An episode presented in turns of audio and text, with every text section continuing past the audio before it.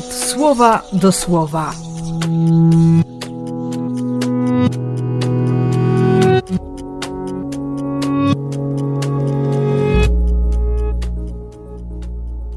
Dwudziesty trzeci grudnia, sobota.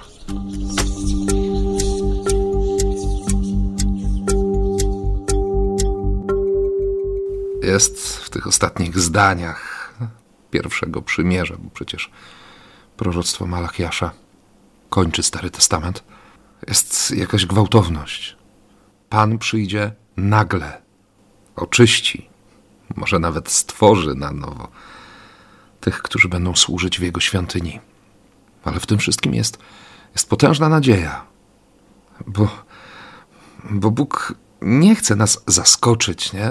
złapać, przyłapać na jakimś nieprzygotowaniu, że trzeba wtedy tak nerwowo z nogi na nogę przestępować, bo no właśnie, bo coś z tyłu jeszcze brudne, bo, bo tak ukradkiem pod dywan, bo jakiś korpus delicti nie został ukryty. W miłości nie chodzi o to. Bóg po prostu tęskni on się nie może doczekać i dlatego czasami przyjdzie za pięć dwunasta, kiedy jeszcze nie jesteśmy gotowi. Jest taka tęsknota w miłości, nie? Chyba o tym wiesz. A przecież to z jego serca, właśnie z jego serca, płynie nieograniczona i niepowstrzymana rzeka troski i miłosierdzia. On nie chce dla nas klątwy. On chce błogosławieństwa dla całego świata.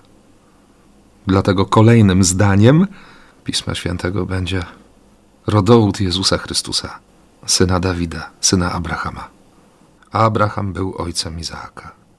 Izaak był ojcem Jakuba. Jakub ojcem Faresa i Zary, których matką była Tamar. I tak dalej, i tak dalej.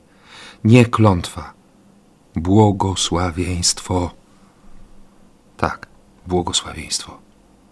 Dlatego ten, który jest łaską dla swoich rodziców, wyzwala pieśń błogosławieństwa u swojego ojca. Ojca, który zgadza się wreszcie po tych dziewięciu miesiącach rekolekcji na to, że, że Bóg ma rację, że Bóg wie, co robi, że nie najświętsza tradycja, ale żywe słowo. Bo jeśli w tym słowie jest miłość, to tradycja słowo pokocha. Ale jeśli tradycja chce istnieć tylko dla samej siebie, to ciężko jej będzie o rozpoznanie miłości. Dlatego miłości Ci życzę. Narodzin miłości Ci życzę. I błogosławię w imię Ojca i Syna i Ducha Świętego. Amen.